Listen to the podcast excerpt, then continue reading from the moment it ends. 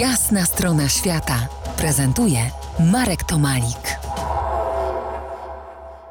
Po jasnej stronie świata Iwona Pruszyńska, mocno zafascynowana rdzenną kulturą piątego kontynentu, prawniczka polska i australijska.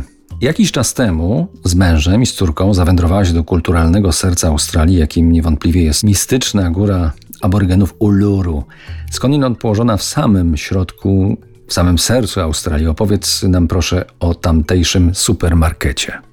W momencie, kiedy przyjechaliśmy do Uluru, to już był kolejny, to już moja, moja kolejna wizyta w Czerwonym Sercu Australii.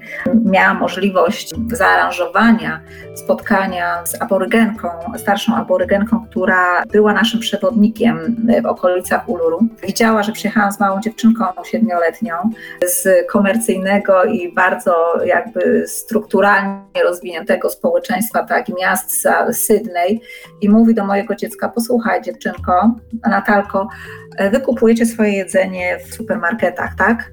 Popatrz teraz na te równiny, na te, na te stepy e, wokół Uluru. To jest nasz supermarket. Natalia jako siedmioletnie dziecko chyba bardziej naturalnie to przyjęła niż ja. Ja oczywiście od razu o nie miałam zachwytu i, i z, wielką, z wielkim podnieceniem czekałam na to, co będzie dalej.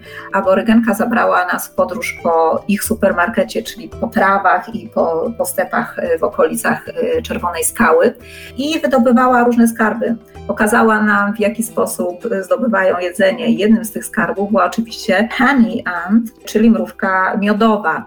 E, nie wiem, czy Państwo wiedzą, że w Australii żyją mrówki, e, które produkują miód. Ten miód e, jakby zlokalizowany jest w ich odwłokach które pęcznieją w zależności od tego, tak, jak dużo jest tego miodu y, już naprodukowanego. Mrówki trzeba wydobyć kijem, wydłubać ze ziemi i właśnie to robiłyśmy y, z aborygenką, wydobywałyśmy mrówki, powiedziała nam, że to jest ich deser i że my też musimy tego deseru spróbować.